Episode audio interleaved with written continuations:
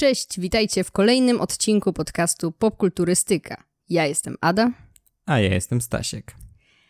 Wracamy po chyba najdłuższej w historii naszego podcastu przerwie. Tak jak pisaliśmy na naszych social mediach, byliśmy trochę chorzy.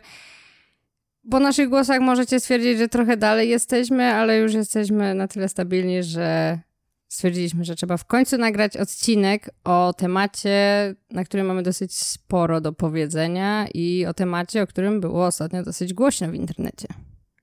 Tak, trochę już zdekamy z tym tematem, ale dzisiaj porozmawiamy sobie o filmie Marvela Shang-Chi i Legenda Dziesięciu Pierścieni. Zanim zaczniemy, to przypominamy, że możecie nas słuchać na wszystkich platformach podcastowych, takich jak YouTube, Spotify czy Apple Podcast, a wszystkie te platformy znajdziecie pod linkiem Anchor FM ukośnik popkulturystyka. I pamiętajcie, żeby obserwować nas na naszych mediach społecznościowych, takich jak Facebook czy Twitter pod nazwą Popkulturystyka. Możecie się z nich dowiedzieć na przykład, dlaczego nie ma nowych odcinków, bo jesteśmy chorzy, a także dzielimy się tam wieloma newsami ze świata popkultury czy naszymi krótkimi opiniami na różne tematy. No i jeszcze zanim przejdziemy do samego filmu, to ten odcinek będzie podzielony na część bezspoilerową i część spoilerową. Część spoilerowa zostawię na sam koniec, także jeśli filmu jeszcze nie widzieliście i po prostu się zastanawiacie, czy warto się na niego wybrać do kina, no to możecie spokojnie słuchać tego odcinka, bo na razie będziemy mówić bezspoilerowo. Okej, okay, no to Shang-Chi, polska premiera i amerykańska premiera miały miejsce 3 września, czyli na ten moment niecałe dwa tygodnie temu. Co ciekawe, ten film nie miał chińskiej premiery i nie jest ona zapowiedziana w ogóle. To jest bardzo ciekawe. To jest bardzo ciekawe i już y, śpieszymy z wyjaśnieniami dlaczego, to przynajmniej domysłami może, bo tak naprawdę to nie jest chyba oficjalnie zablokowane przez, nie wiem, chiński rząd czy coś takiego, ale po prostu była odwlekana ta data premiery i w końcu wyszło tak, że nie wiadomo, czy to wyjdzie w Chinach. Raczej małe są na to szanse i na to się składa kilka czynników. Jednym z nich, pierwszym, o którym wspomnimy, no to to jest to, że Shang-Chi to jest postać, która powstała już dość dawno w komiksach Marvela i wtedy trochę in, inną wrażliwość mieli twórcy komiksowi na różne tematy, więc to jest postać z dość rasistowskimi korzeniami, można powiedzieć, i e, historią, bo Shang-Chi powstał pierwotnie e, jako syn innej postaci, Fu Manchu, która nie jest postacią stworzoną przez Marvela, ale do której Marvel miał prawa i postanowił coś z nią wymyślić, a ta postać to było po prostu uosobienie wszystkich rasistowskich stereotypów i jakichś takich e, irracjonalnego strachu Zachodu przed właśnie Azją w tamtych czasach i, i, i Chinami głównie. Także no to nie spotkało się już wtedy z pozytywnym odbiorem azjatyckich czytelników komiksu i, i, i w ogóle na arenie międzynarodowej.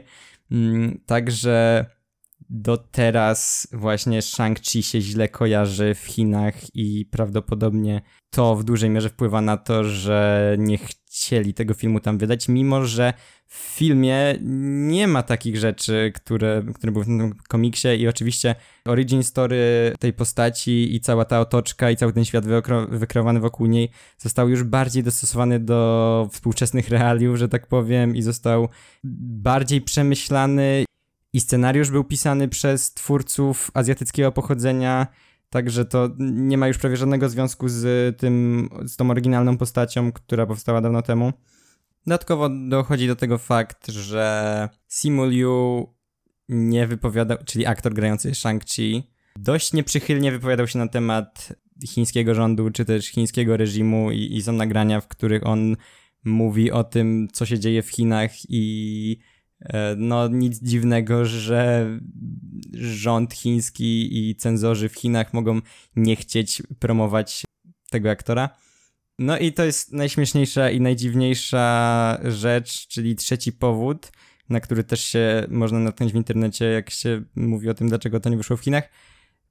Bo najwyraźniej w Chinach dużo osób uważa, że Simu Liu jest brzydki. To jest dobry powód, żeby nie oglądać jakiegoś filmu. W sensie, no ja nie wiem jaka, nie, ciężko mi tutaj się jakoś odnieść do mentalności społeczeństwa chińskiego i ich podejścia do, do takich kwestii i jak to tam wygląda, ale podobno po prostu i Simu Liu i Aquafina, którzy grają główne role w tym filmie, nie wpisują się w standardy urody, w, w te chińskie standardy, po prostu w ten chiński kanon piękna. I bardziej, bardziej szczególnie Simu Liu, z tego co rozumiem, mm, wpisuje się w ten nasz zachodni obraz no tak. przystojnego mężczyzny. No logiczne w sumie to było, że, że wybiorą raczej, raczej taką osobę do tego filmu. Mhm. Ale mimo wszystko, no myślę, że Marvel zakładał, że jednak trochę sobie zarobi na tym chińskim rynku takim filmem. Nie wiem, prawie połowa tego no, filmu jest po chińsku. Myślę, że bardzo na to liczyli. Można by powiedzieć, że mm, że ten film powstał tak z taką myślą o tym, że to jest właśnie coś pod ten y, rynek chiński, ale chyba rynek chiński jest generalnie bardzo niechętny na takie amerykańskie produkcje, mhm. które wydawałoby się, że będą właśnie dobrze y, się przyjmować y, właśnie w Chinach, bo Mulan z tego co pamiętam też w Chinach totalnie się nie przyjęła. Mhm. No, czegoś się chyba tam boją i coraz częściej ostatnio się właśnie słyszy o tym, że w Chinach blokowane są amerykańskie blockbustery, bo i e, Eternals też nie ma chińskiej daty premiery. W związku z wypowiedziami Chloe Zhao też na temat e, chińskiego rządu. Mhm.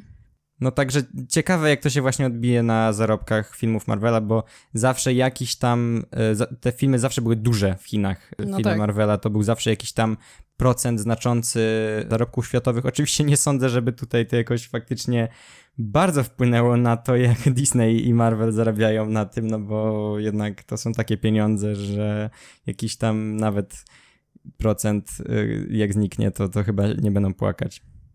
No nie, aczkolwiek ten rynek chiński jednak często dosyć sporo wnosił od siebie, więc myślę, że mimo wszystko gdzieś tam mają to na uwadze i zwracają na to, na to no uwagę. No właśnie ciekawe, czy to też wpłynie może na to, jak będą tworzone filmy Marvela i to w dwie strony myślę może pójść, bo mogą stwierdzić, że okej, okay, skoro w Chinach nie chcą naszych filmów, to nie musimy już tak bać się bać się niektórych tematów. Rzeczy, których się wcześniej bali. Tak, bo to właśnie między innymi do tego wątki, takie, wątki homoseksualne, czy inne takie rzeczy są tak łatwo wycinalne z, tak. z filmów Marvela. E, więc no ciekawe, czy pójdzie to w tą stronę, czy może właśnie w drugą. Będą jeszcze bardziej robicie tak, że tak powiem, poprawne politycznie, jeśli chodzi o właśnie y, chiński rząd, chiński reżim i, i będą starać się, żeby to tam wróciło na te rynki. No nie wiem, ciężko stwierdzić. Pewnie zobaczymy e, w przyszłości. No ale skoro już jesteśmy przy pieniądzach, no to ciężko nie wspomnieć o box office, tym bardziej, że jesteśmy już dosyć długo po premierze, więc możemy tutaj coś więcej na ten temat powiedzieć. No, ten film nie zapowiadał się na jakiś wielki sukces kasowy. Dużo osób myślało, że będzie porażką finansową i że no nie przyjmie się po prostu. I trochę to rozumiem, bo wydaje mi się, że marketing tego filmu był dosyć słaby, w sensie moim zdaniem. Znaczy, oczywiście, Marvel ma już tą machinę marketingową wypracowaną od lat i, i ona działa, ale moim zdaniem zwiastuny były mało zachęcające do tego filmu, przynajmniej dla mnie. Mhm. I to, jak mi się podobał ten film, a to, jak mi się podobały zwiastuny, to jest w ogóle jakby dwie różne sprawy. W sensie zwiastuny mnie bardzo mało zachęciły. No, trochę to rozumiem i trochę się tu zgodzę. Faktycznie e, dziwna była ta kampania. Spodziewałem się czegoś e, większego, bo na przykład przypomina mi się teraz kampania marketingowa Black Panthera i, i w ogóle też myślałem, że będą, znaczy dużo osób porównuje to do Black Panthera, bo to równie przełomowy jest film superbohaterski, a jednak czegoś tutaj zabrakło w takim hypowaniu tego na, na, na mhm. coś takiego, na coś taki, na takie wielkie wydarzenie, jakim był na przykład właśnie Black Panther. I, I, to jest ciekawe, bo nie wiem, czemu nie poszli bardziej w to, czy, czy tak jakby trochę się bali, że może nie warto w to inwestować przez pandemię? Mhm, być może. No ale film okazał się sukcesem. W sam weekend otwarcia zarobił w Stanach Zjednoczonych oczywiście ponad 75 milionów dolarów co jest takim Marvelowym, powiedzmy, standardem w przypadku tych lepiej przyjętych filmów, że tak powiem. Mhm. No i na chwilę obecną film zarobił 258 y, milionów dolarów na całym świecie. No, to jest bardzo dobry wynik jak na mm, pandemię mhm. i jak na, no, w zasadzie to mamy teraz dane z ile, z dwóch weekendów, tak? Tak, mamy dane z dwóch weekendów i to też jest istotne właśnie, bo na przykład w przypadku takiej e, Black Widow, e, o której też zrobiliśmy odcinek, no tam weekend otwarcia też e, wypadł naprawdę dobrze. Lepiej niż Shang-Chi. Lepiej niż Shang-Chi, ale Szybko po tym weekendzie film zaliczył spadek, jakby spadek zainteresowania. Po prostu ci, którzy chcieli bardzo zobaczyć ten film w kinie, poszli na premierę, a ci, którym tak bardzo nie zależało, obejrzeli go sobie na Disney+. Mhm. Natomiast Shang-Chi miał naprawdę dobry wynik zarówno w pierwszy, jak i w drugi weekend i był to najlepszy drugi weekend dla filmu od czasu Rise of Skywalker. Czyli to nawet nie jest od czasu pandemii, tylko to mhm. jest jeszcze, jeszcze wcześniej. I to udowadnia nam, że y, kina jeszcze, jeszcze żyją, jeszcze się dobrze mają i że nie warto skreślać tego i wrzucać wszystkiego na streaming, tak jak Marvel zrobił, Disney robił z Black Widow, Jungle Cruise i innymi filmami. I myślę, że dużo teraz studiów filmowych zobaczyło sukces, sukces Shang-Chi i też trochę pozmieniają sposób dystrybucji, bo właśnie... Miejmy nadzieję. Aha, bo właśnie Shang-Chi e, ma co prawda, miał ekskluzywną kinową premierę mm, i na razie jest tylko w kinach, ale to okno, w którym film, film jest tylko w kinach jest krótsze niż zwykle. Shang-Chi ma być na Disney Plus już w październiku, co jest bardzo krótkim czasem oczekiwania, mm, jeśli chodzi o właśnie streaming. I co jest zrozumiałe, bo w wielu miejscach na świecie i, i, w Stanach, w wielu miejscach nie da się pójść do kina, bo są zamknięte jeszcze z powodu pandemii, więc to jest dość wyrozumiałe ze strony Marvela, a z drugiej strony nie skreślają sobie tej szansy dużego zarobku, jeśli chodzi o kina i też dają kinom zarobić, więc moim zdaniem to jest bardzo dobre rozwiązanie. No, ja też zgadzam się z tym i wydaje mi się, że to jest znacznie lepsze rozwiązanie niż równoczesna premiera na streamingu i w kinach, y, co nie wypada, do, nie wypadało do tej pory najlepiej finansowo dla filmów. Ale porozmawialiśmy sobie o tym, y, o właśnie tej dystrybucji hybrydowej trochę więcej w odcinku o Free Guy'u, więc jeśli chcecie o tym posłuchać, to zapraszamy tam. A teraz przejdziemy już do samego filmu. Shang-Chi i Legenda Dziesięciu Pierścieni to film wyreżyserowany przez Destina Daniela Cretona, którego ja nie jestem zaznajomiony z jego twórczością, przyznaję.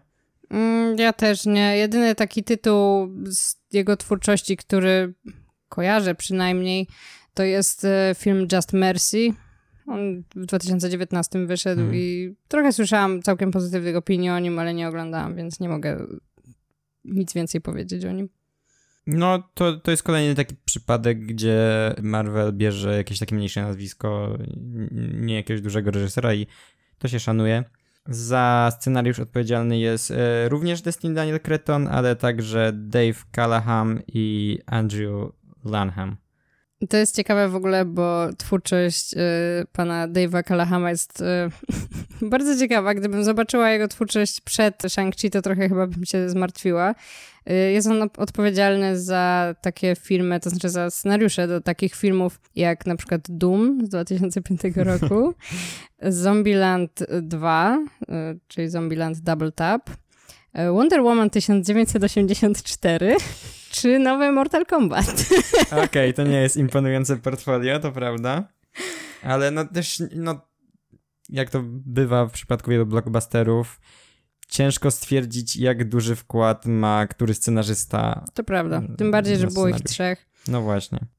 No, w każdym razie też, tak jak już wspomniałem wcześniej, fajnie, że do pierwszego filmu o azjatyckim superbohaterze zatrudnili azjatyckiego twórcę, e, reżysera azjatyckiego pochodzenia, bo no wiadomo, to wtedy czuć, kiedy robi to ktoś, kto jest bardziej zaznajomiony z daną kulturą. No zdecydowanie. No ale dobra, przejdźmy w końcu do konkretów. O czym właściwie jest ten film?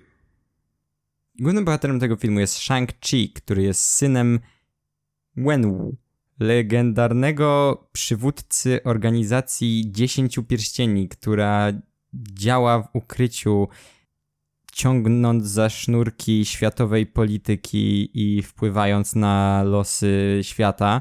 Zresztą tę organizację mogliśmy już widzieć w dwóch częściach Ironmana i Shanga poznajemy w momencie, kiedy po jakimś czasie, jak uciekł od tego życia um, zabójcy związanego z organizacją Dziesięciu Pierścieni, organizacją swojego ojca, jego przeszłość odnajduje go w San Francisco i jego ojciec sprowadza go do domu.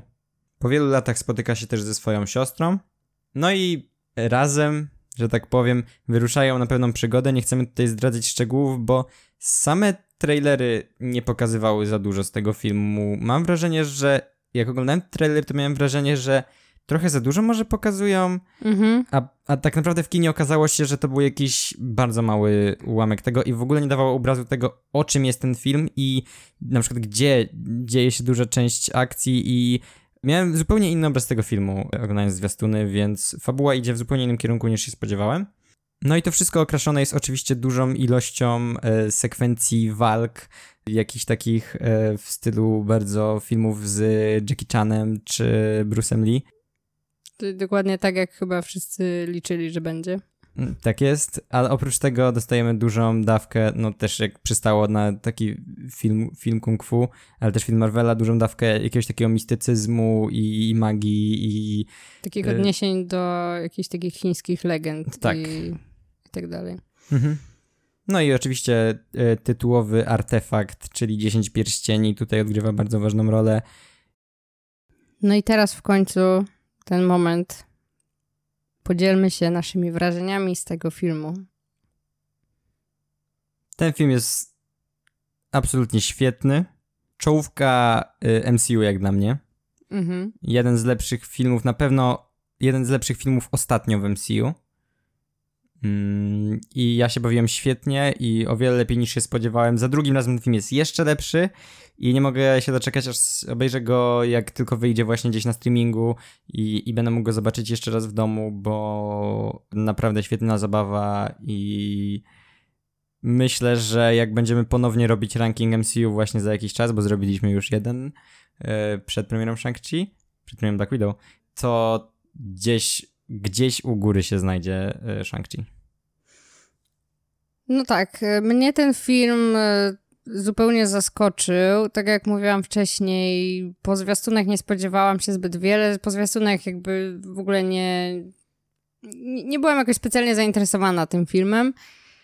No i też po Black Widow miałam takie też odczucie, że może jestem trochę zmęczona tym Marvelem, że trochę że trochę jednak nie daje mi to już takiej radości jak kiedyś, ale ten film naprawdę, naprawdę przywrócił mi ten taki hype na Marvela mhm. i, i naprawdę nie spodziewałam się, że po wyjściu z kina będę tak bardzo ciekawa tego, co będzie się teraz działo w Marvelu i co teraz, jakie kolejne filmy będziemy dostawać i jaki kolejny duży event będziemy mieć w tym uniwersum byłam naprawdę bardzo, bardzo pozytywnie zaskoczona i myślę, że można powiedzieć, że Shang-Chi to jest właśnie to, jak powinna wyglądać czwarta faza Marvela. Mhm, Nie prawda. Black Widow. Black Widow to było Teraz w porównaniu wypada jeszcze gorzej. Teraz w porównaniu wypada naprawdę znacznie gorzej niż, niż po prostu po obejrzeniu tego filmu.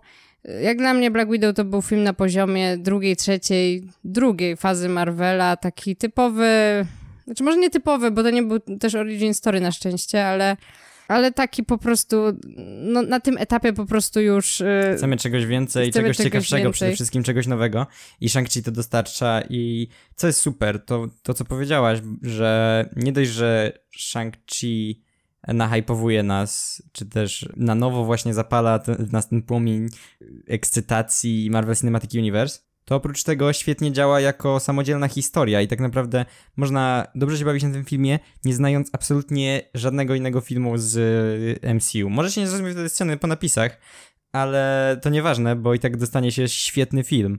I moim zdaniem tak właśnie powinny wyglądać wszystkie filmy w Marvel Cinematic Universe. No może poza tymi wielkimi eventami, gdzie tak. no wiadomo, czekamy na tą kulminację tych poprzednich, ale kiedy dostajemy właśnie film po prostu o slowym bohaterze, to to jest idealny przepis, mhm. jak to powinno wyglądać. Odrębna historia, która gdzieś tam się trochę łączy z tym światem i mamy tą świadomość tego, że to się dzieje w tym samym świecie, co mhm. Avengers i cała reszta.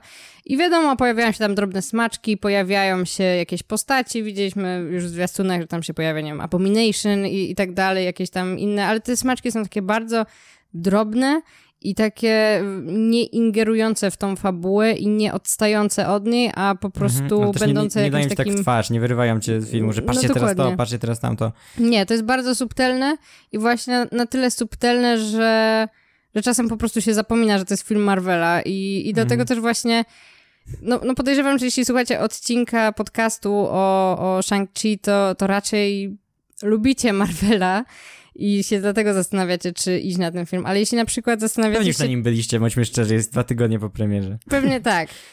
Chociaż wydaje mi się, że dużo osób wciąż się zastanawia, czy, czy to w ogóle warto na to iść i czy to jest, nie wiem, tak mam wrażenie trochę takie, ale nieważne.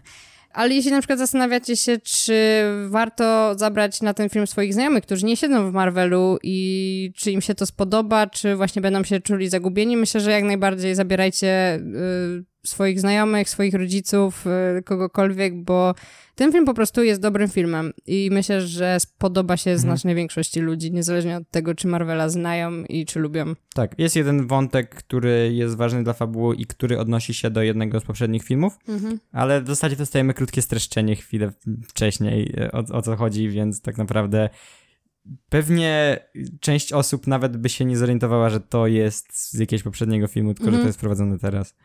Także, no, bardzo pozytywne wrażenia, jeśli chodzi o fabułę i budowę świata.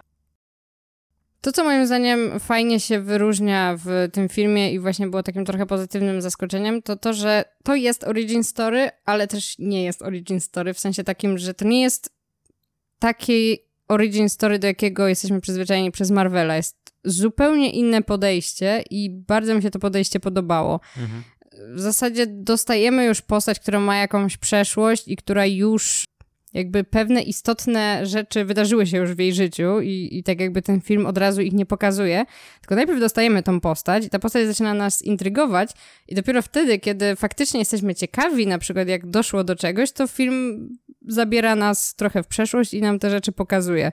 Mhm. I bardzo mi się ten zabieg podobał, bo o ile zazwyczaj nie lubię retrospekcji w filmach i wolę jak akcja tak jakby się dzieje tu i teraz, tak tutaj muszę przyznać, że te retrospekcje były naprawdę udane, bo tak jak mówię, na etapie, kiedy je dostawaliśmy, ja faktycznie byłam ciekawa, co się wydarzyło, że doszło do jakichś tam innych wydarzeń. Mhm, I to jest fajne, to właśnie działa dlatego, że w przeciwieństwie do innych filmów Marvela, nie musimy czekać na to, na, na co przyszliśmy do kina, czyli na pokaz umiejętności tego superbohatera, bo mhm. on już od początku ma te umiejętności i może się nimi pochwalić przed nami, a dopiero potem zagłębiamy się, jak je uzyskał. No dokładnie. Mm, I e, jeśli mówiłaś o tych flashbackach, retrospekcjach, i no ja powiem, że e, faktycznie one są zrealizowane całkiem fajnie i nie, nie wybijają aż tak z filmu jak, jak czasami. Na przykład, nie wiem, F9 momentami. Mhm. Mm, ale pod koniec, jak dla mnie było trochę za duże nagromadzenie już tego, już chciałem przejść do tego, co jest ważne tak. tu i teraz, a oni dalej pokazywali flashbacki i to było o tyle dziwne, że pokazywali coś, co już wcześniej wynikło z dialogów postaci. Tak, tak, yy, masz rację. Właśnie na samym początku to fajnie, znaczy na samym początku, gdzieś tam w połowie filmu to właśnie fajnie działa, a później też rzeczywiście miałam moment zmęczenia tymi, tymi retrospekcjami i faktycznie właśnie tak jak powiedziałeś, były takie rzeczy, które już w sumie wiedzieliśmy, więc nie musieliśmy ich dostawać drugi raz.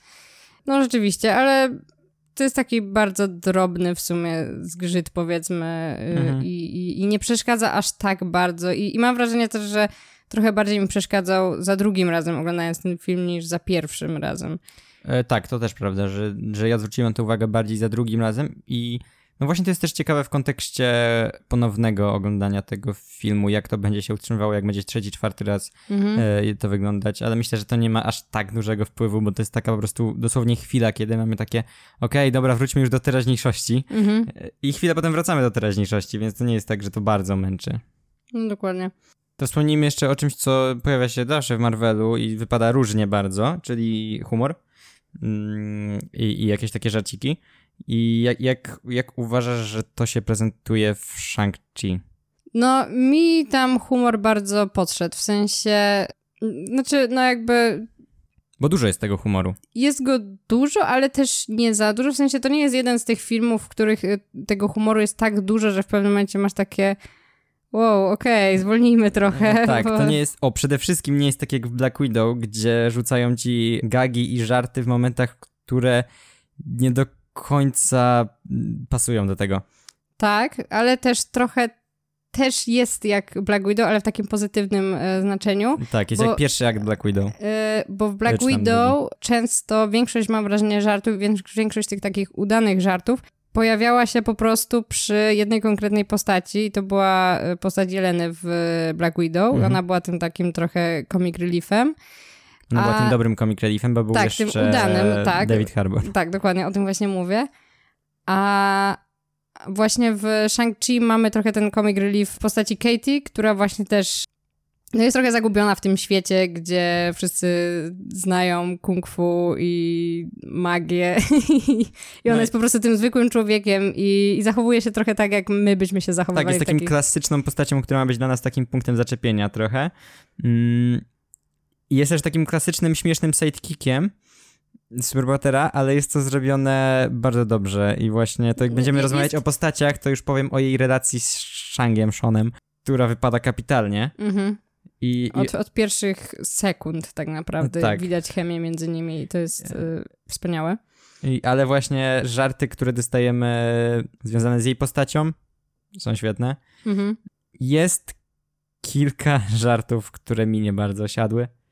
Mhm. Mm, Też dostajemy jedną postać, której na szczęście nie ma tak dużo jak Davida Harbora w Tak. e, Black Widow. Bardzo się bałem, że ta postać teraz e, wejdzie na pierwszy plan i będzie co chwilę rzucać żarty. Wiem, o jakiej postaci mówisz, to ni niestety nie będziemy mówić, o jaką chodzi, bo to jest lekki spoiler, ale mm, faktycznie miałam taki moment takiego lekkiego przesytu tą postacią. Znaczy, mi te żarty bardzo podeszły i jakby mm, bawiły mnie, ale właśnie miałam taką lekką obawę, że zaraz będzie tych żartów za dużo i że zaraz będziemy mieć tej postaci dosyć, ale na szczęście jest jej bardzo mało. Tak, to jest tak naprawdę spoko. postać, nie wiem, nawet nie drugoplanowa, trzecioplanowa, bo ona jest ważna w jednym momencie filmu i wtedy jest lekki przesyt, Mhm. ale, ale potem szybko osuwa się na dalszy plan, e, aż nawet zaskakująco bardzo się osuwa na dalszy plan. Tak. Mm, także nie, nie, nie czułem tego, co właśnie na przykład w przypadku Black Widow.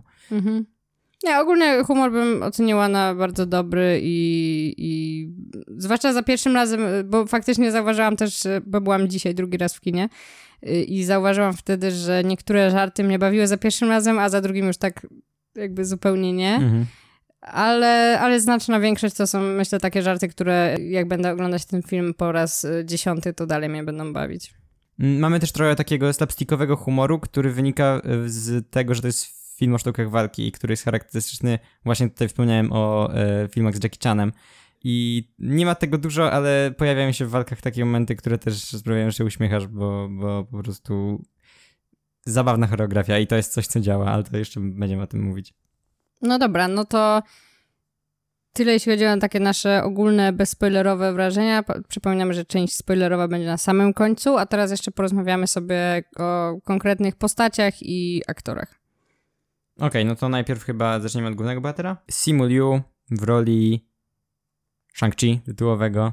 Po pierwsze, kapitalny casting, jak zawsze po stronie Marvela. Oczywiście, to już nawet y, nie zaskakuje w żaden sposób na tym etapie. Tak. y, a po drugie, bardzo fajnie napisana postać, z którą od razu się zżyłem od pierwszych scen. Mhm. Miałem takie, wow, to jest mój nowy przyjaciel i, i proszę go chronić, bo, bo naprawdę y, mam wrażenie, że tu jest bardzo duży potencjał na ważną, ciekawą postać w uniwersum Marvela, która będzie z nami długo i której przygody będzie się oglądać z- świetnie i, i dobrze bawić, bo nie wiem, coś jest takiego w tej postaci. Chyba to, jak zwykła jest. Mamy trochę takiego Petera Parkera tutaj, y, w takim znaczeniu, że, Że to jest zwykły koleś. że to jest zwykły koleś, tak.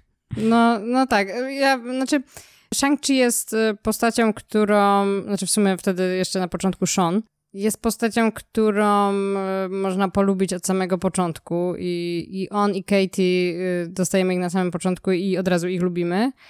I właśnie tak jak powiedziałeś, casting wypadł tutaj naprawdę dobrze i właśnie też aktorsko wydaje mi się, że też świetnie sobie poradził Simuliu. Natomiast lekko tak jak zaczęłam, w sumie dopiero jak zaczęłam trochę bardziej powiedzmy analizować ten film, to miałam takie trochę poczucie, że zabrakło mi trochę takiej głębi jakby w tej postaci w późniejszej części filmu, powiedzmy, żeby trochę lepiej poznać jego motywację i, i jakiś taki jego charakter. Nie jest jakieś duże y, zastrzeżenie, w sensie nie, nie uważam, że ta postać jest jakaś y, jednowymiarowa czy coś takiego, ale po prostu wydaje mi się, że Marvel przyzwyczaił nas trochę do takiego robienia tych filmów o solowych bohaterach, gdzie tego bohatera znamy naprawdę bardzo, bardzo dobrze po tym jednym filmie, a tutaj miałam trochę nie miałam aż takiego poczucia, że, że aż tak dobrze go znam. Wydaje mi się, że to po prostu wynika częściowo z tego, że rozłożyli trochę ten e, film na te kilka postaci i dostajemy też trochę więcej właśnie tych innych postaci. Mhm. Jego siostry, jego ojca, no i też wspomnianej Katie i wydaje mi się, że to po prostu zwyczajnie przez to. Mhm. Jak już wspomnieliśmy o Katie, no to teraz przejdźmy właśnie do postaci Okafiny, która ma tak świetnie zarysowaną relację z właśnie Seanem już od pierwszych scen i od razu wiemy, jak działa relacja między nimi i o co im chodzi. Mhm. I, I przede wszystkim, co mnie urzekło, to od razu w zasadzie to tak mnie uderzyło, jak oglądałem ten film, że chyba nie było wcześniej takiej relacji e, w MCU, przynajmniej damsko-męskiej, że tak powiem, w której obie postaci byłyby do siebie tak podobne i na, na, działały na tak podobnym poziomie, że tak powiem, bo zawsze dostawaliśmy coś w stylu, e, nie wiem, Scott Lang i Hope, gdzie on był tym takim mm, Głupkiem. dziecinnym głupkiem trochę, a ona tą taką poważną... Głosem rozsądku. Tak, tak samo był e, Tony Stark i Pepper, dokładnie ta sama, mhm. ta sama dynamika. Steve i Peggy trochę też. Także to jest coś nowego. Faktycznie nie, chyba, chyba nie było. Tak, tak mam, mam takie wrażenie, że to jest świeże. No i w sumie chyba jest to, tak wydaje mi się, że jest to pierwszy raz taka e, dobrze zarysowana relacja właśnie damsko-męska, która nie. Widać, że tak jakby nie jest od samego początku kierunkowana na to, żeby te postacie się ze sobą zeszły i. A mogłaby być. W sensie tak, jak patrzymy najpierw na te postaci, to. Zastanawiasz się, czy oni są parą, czy, czy nie są tak, przyjaciółmi? Że, że chyba są parą. Tego ale szybko dostajemy coś innego. Przyjaźń, przyjaźń jest też fajna, jak ją pokazują w filmach. Mm, ale z drugiej strony zostawiają też takie dość spore okienko na to, że to może pójść w tą romantyczną stronę. No i podejrzewam, że pójdzie. Tak, też, też tak myślę. Ale nawet jeśli to odpowiada mi to, bo to w, w obie strony zadziała moim zdaniem, mm. przez to jaka chemia jest między tymi postaciami i też w sumie to będzie fajne, bo chyba też rzadko dostajemy takie, takie związki, w które najpierw widzimy, że długo byli przyjaciółmi i potem to ewoluuje w coś, w coś innego. Mhm. Także to też, też tak czy siak będzie świeże. No to prawda. A tak poza tym to Aquafina jest y, super śmieszna i uwielbiam ją w tym filmie i bardzo się tak. cieszę, że y, w nim była, bo po prostu, nie wiem, mi talent komediowy jest niesamowity i to jak ona potrafi grać samą mimiką mhm. potrafi mnie po prostu rozbawić już samo w sobie, więc... Prawda? I co ciekawe, nie jest też takim zbędnym dodatkiem, zbędnym comic reliefem i sidekickiem, w sensie w takim znaczeniu, że ma jakiś tam swój mini wątek emocjonalny powiedzmy, bo tak. widzimy od początku, że tam jest jakaś presja na nią nakładana przez, przez jej rodziców i mhm. ona ma coś do udowodnienia i sobie samej i otoczeniu i to fajnie działa w kontekście tego, co się później dzieje w filmie i to też mnie bardzo pozytywnie zaskoczyło. No tak, to mi się też to podobało. Okej. Okay. E, kolejną ważną postacią, o ile nie najważniejszą w tym filmie obok tytułowego Shang-Chi'ego, mm, jest Wenwu, grany przez Toniego Longa. I to jest jeden z lepszych wilanów w MCU, moim zdaniem. No, na pewno jeden z ciekawszych i no jest takim trochę wilanem, nie wilanem, w sensie mhm, taki... To jest jeden z tych wilanów, gdzie masz takie no w sumie to on nie jest zły sam w sobie, Mhm. w sensie jesteś, pe- jest bardziej manipulowany przez, znaczy dobra, on jest też szefem organizacji jakiejś terrorystycznej. No, to prawda, on tam podbijał cały prawdopodobnie, świat no, od tysiąc lat, lat. mordował ludzi, ma prawdopodobnie obok Thanosa największy kill count w Marvelu. Ale... Mm, Ale nie jest taki zły. nie jest taki zły. Ale rozumiem, czemu to...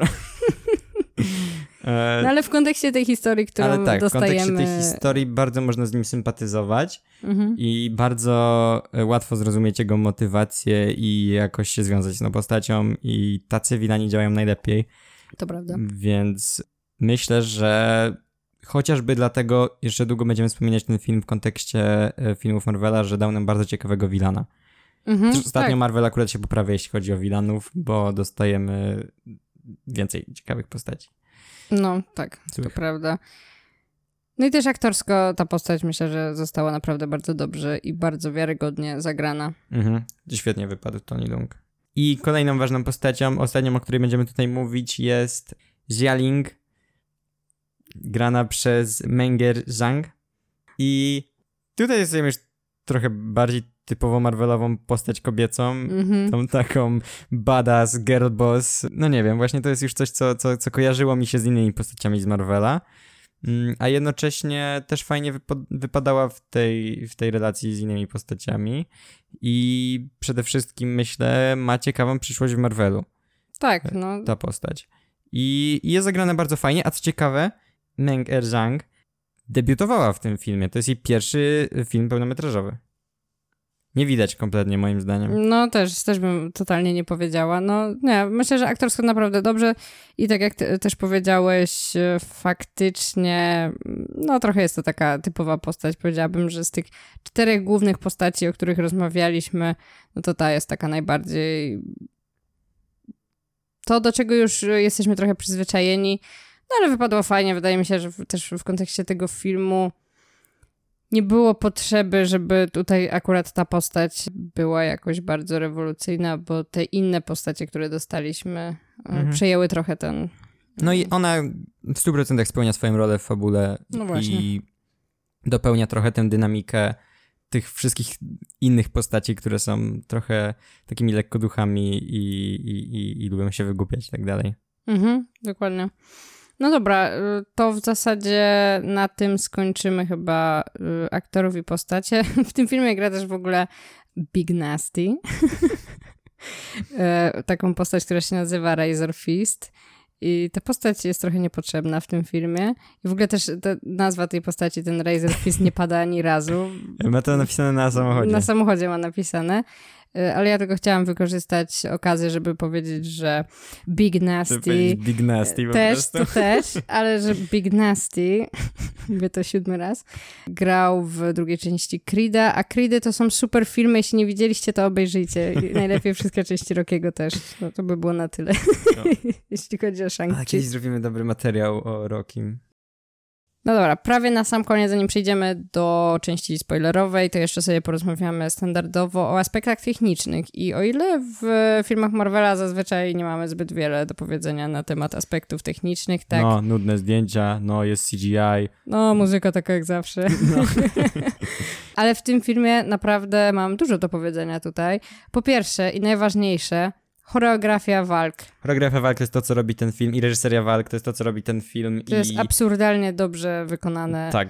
Ja y, czasem mówię o tym, że sceny akcji w filmach zazwyczaj mnie trochę nudzą, jak jest ich za dużo. Mm, Też trochę zależy to od tego, jaki mamy, jaką mamy podbudowę po nie, tak jakby Mhm. pod nie.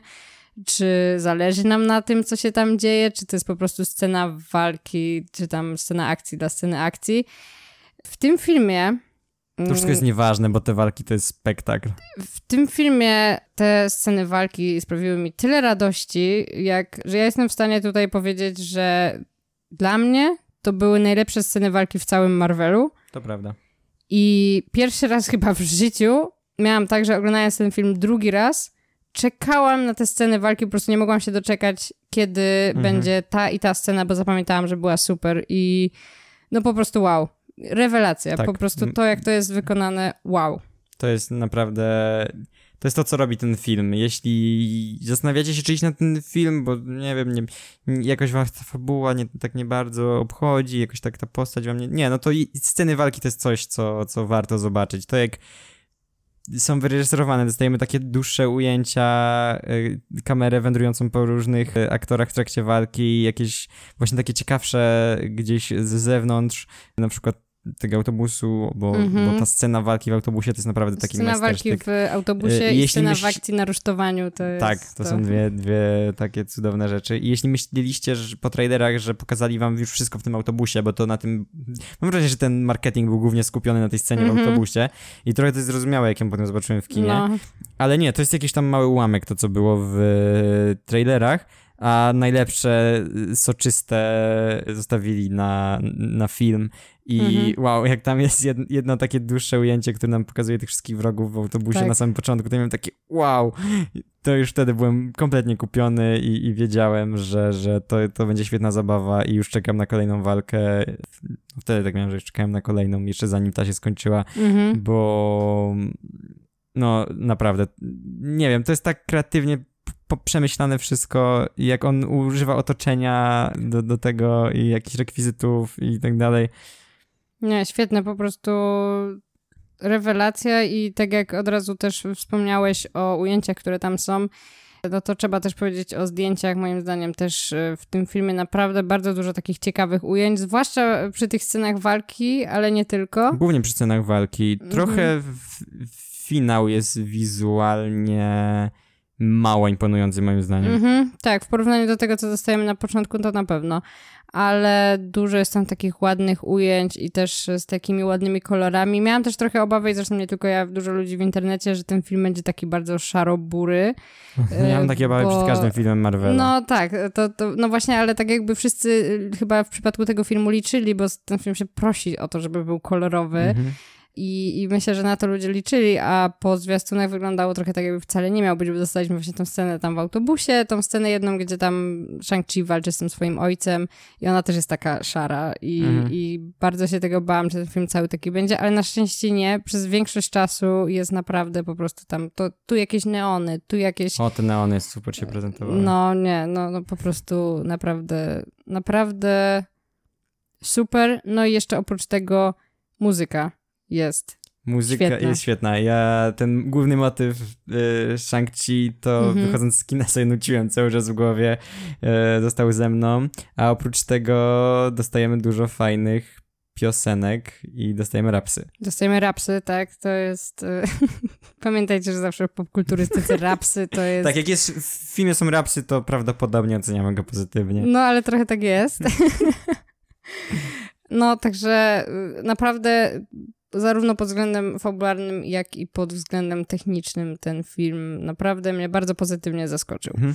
I o muzyce, jak mówimy, no to wyszedł album, jest na Spotify i w innych Tak. miejscach, tak jak w przypadku Black Panthera z tymi właśnie rapsami Mhm. i y, bardzo fajnie się tego słucha też. Bardzo fajnie się słucha i mam nadzieję, że Marvel będzie częściej szedł w tym kierunku i że będziemy dostawać jeszcze więcej. Ja się nie y, mogę. Mam, mam nadzieję, że do, przy, w przypadku Black Panthera 2 wróci Kendrick Lamar i też Mhm. będzie album. Tak, no ja też na to liczę.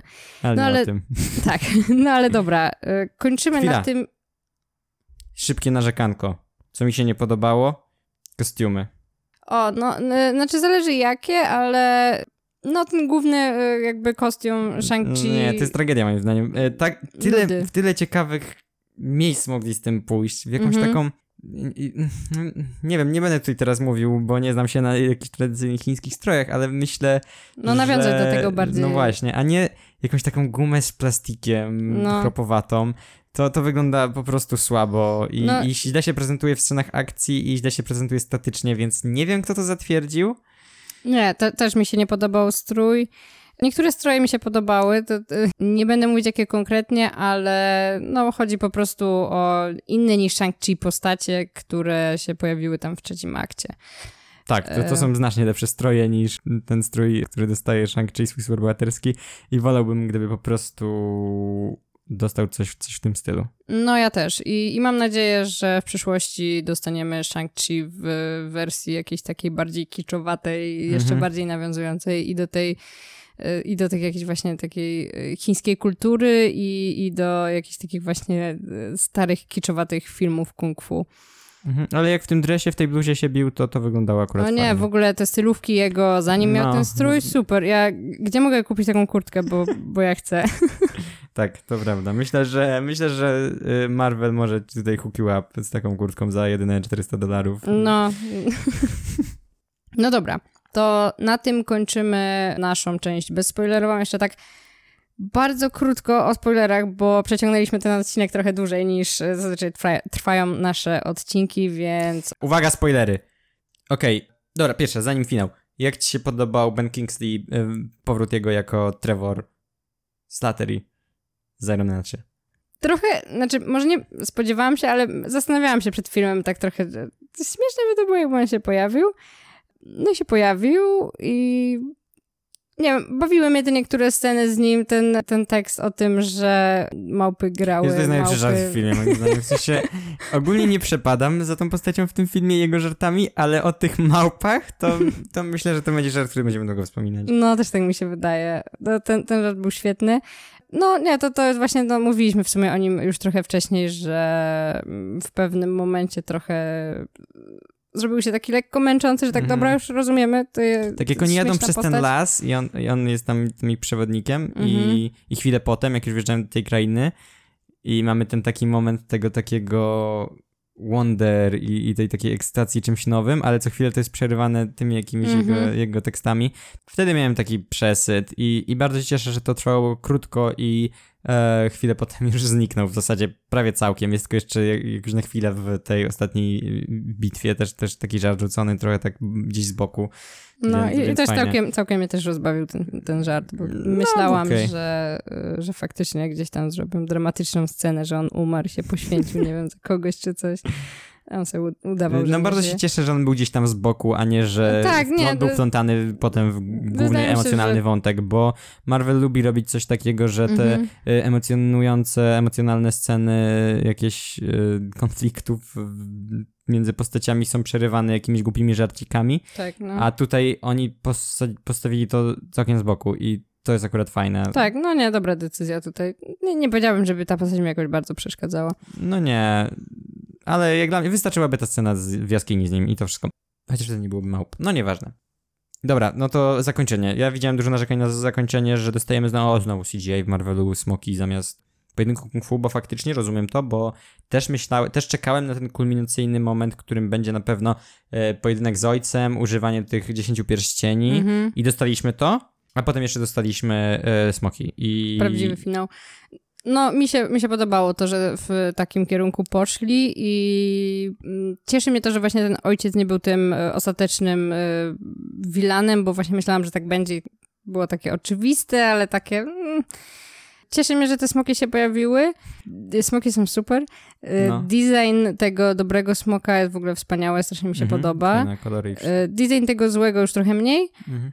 Ogólnie w ogóle te istoty, które tam się pojawiają, zwłaszcza A. te takie, mm, te smoki, takie jakby tradycyjne smoki chińskie, które wyglądają w sumie jak takie lwy. Super. Mhm. Strasznie mi się one podobały, bo, bo pamiętam, że właśnie zawsze gdzieś tam widziałam te jakieś właśnie takie posągi z tych, tych smoków, jakieś tam malowidła z nimi i tak dalej, ale mam wrażenie, że nigdy nie widziałam ich w filmie, żeby tak były zrobione Mhm. faktycznie w takim i, i one no były w ogóle super. fajnie, te, te właśnie stworzenia, wszystkie z tych jakichś azjatyckich e, mitów, legend, które tam zamieszkują tą krainę, e, te lisy z dziewięcioma ogonami. Tak, no aż żałowałam na tym, na tym etapie, że nie znam jakby lepiej właśnie tych jakichś Mhm. takiej legend, y, baśni chińskich i tak dalej. Mhm. I ogólnie jakby motyw tej, tej krainy, to, że to się pojawiło, to, to też w ogóle, bo o tym nie mówiliśmy w części bezspoilerowej, też mi się bardzo spodobało to, że Tak. właśnie coś takiego zupełnie nowego w Marvelu po raz kolejny, ale... Ale nie, mam wrażenie, że ostatnio jakiś taki powracający wątek, który mi to przypominało pustą ziemię z, e, z e, Konga i Godzilli, szczególnie to, jak oni tam wchodzili do tego i też było takie jakieś dziwne międzywymiarowe przejście czy coś. Okej, to ja o tym w sumie nawet nie pomyślałam, szczerze mówiąc. Tak, no, no to było super. No, y, smoki fajne, więcej kaiju w Marvelu poproszę. Za mało. Nie było, nie, nie mieliśmy czegoś takiego w Marvelu, więc nie wiem czemu ludzie narzekają. Nie wiem, nie wiem. Właśnie mi się to podobało właśnie, że to było takie inne niż e, typowy Marvel, więc nie rozumiem narzekania, że to jest typowy Marvel. No ale okej. Y, No, są jeszcze sceny po napisach, które są dość duże, bym powiedział. To Mhm. nie są takie małe humorystyczne scenki, jak czasami dostajemy, które nie zapowiadają niczego, tylko po prostu są jakimś tam Mhm. żarcikiem. Tutaj dostajemy faktycznie coś, co obie sceny, które będą miały wpływ na przyszłość MCU i przyszłość e, tych postaci z tego filmu w MCU, czyli coś, co lubię najbardziej. Sceny, które są Tak. powiązane z filmem, a jednocześnie teasują coś nowego. Mhm. Mm. Pierwsza scena to jest jak Wong zabiera naszą dwójkę głównych po- postaci do Sanctum Sanctorum, I guess. I tam rozmawiają z Bruce'em Bannerem i Carol Danvers. Bruce Banner znowu jest Bruce'em Bannerem, a nie Hulkiem. Nie rozumiem tego. Ciekawe, kiedy to No. wyjaśnią. I to jest dziwne, bo mam wrażenie, że to jest kolejny raz, kiedy Marvel robi taki backtracking, znaczy tak cofa się z jakiejś takiej decyzji, która trwale zmienia postać. Tak samo było na przykład nawet wizualnie, nawet nie wiem, Thor traci oko, ale za chwilę potem dostaje nowe oko. No, E, faktycznie. Thor, w Endgame na przykład Thor jest gruby, ale teraz już wiemy, że w Thunder nie będzie. E, No i znowu ma długie włosy. no i znowu ma długie włosy też. Główny Tora to dotyczy, nie? Głównie Tora. No, coś jeszcze na pewno jest takiego. W każdym razie Hulk staje się Hulkiem. Myśl, tak na zawsze łączy tego Bannera z Hulkiem i myślimy, że to już jest permanentne. Nagle się okazuje, nie, jednak znalazł wyjście z tego. Znaczy wyjście, nie wiem, nie wiem. Mo- może She-Hulk to wyjaśnią. nie ma znaczenia tak naprawdę, ale... To nie ma znaczenia. Może się dowiemy, może jest jakiś e, istotny powód, czemu tak było. Nie wiem. No i jest to faktycznie dziwne, ale e, Mi się wydaje, tak że po prostu samej... chcieli po taniości to zrobić i wzięli tego Marka Ruffalo. Mam nadzieję, że tak nie było, ale tak e, podsumowując całą e, tą scenę, bardzo mi się podobała ta pierwsza scena po napisach Mhm. i to jest właśnie to trochę, co mówiłam, że wyszłam z kina e, jakby podekscytowana tym, co się będzie dalej Tak. działo w Marvelu. Naprawdę jestem ciekawa, o co chodzi z tym nadawaniem sygnału, co to Mhm. jest. E, i- Myślę, że to ma związek, a to na pewno ma związek z multiversum, bo to, to jest kierunek, w jaki No, na razie idzie, głównie idzie na tym się Marvel, skupia więc Marvel. Zgaduję, że te pierścienie będą jakąś, jakimś takim międzywymiarowym artefaktem Mhm. Mm, i może to jest właśnie jakiś sygnał nadawany między e, uniwersami, może innych posiadaczy tych pierścieni alternatywnych rzeczywistościach, nie wiem. E, Przekonamy się w najbliższej przyszłości. No, ciekawe teraz mnie ciekawi, czy na przykład Shang-Chi się pojawi w Doktorze Strange'u in the Multiverse of Madness. Wątpię. Wydaje mi się, że... Skoro tutaj już albo przynajmniej będzie wspomniany może, bo, bo skoro Wong ma już z nim relację, był z nim Mhm. na karaoke, uwielbiam tę scenę na karaoke. Mm, No tak.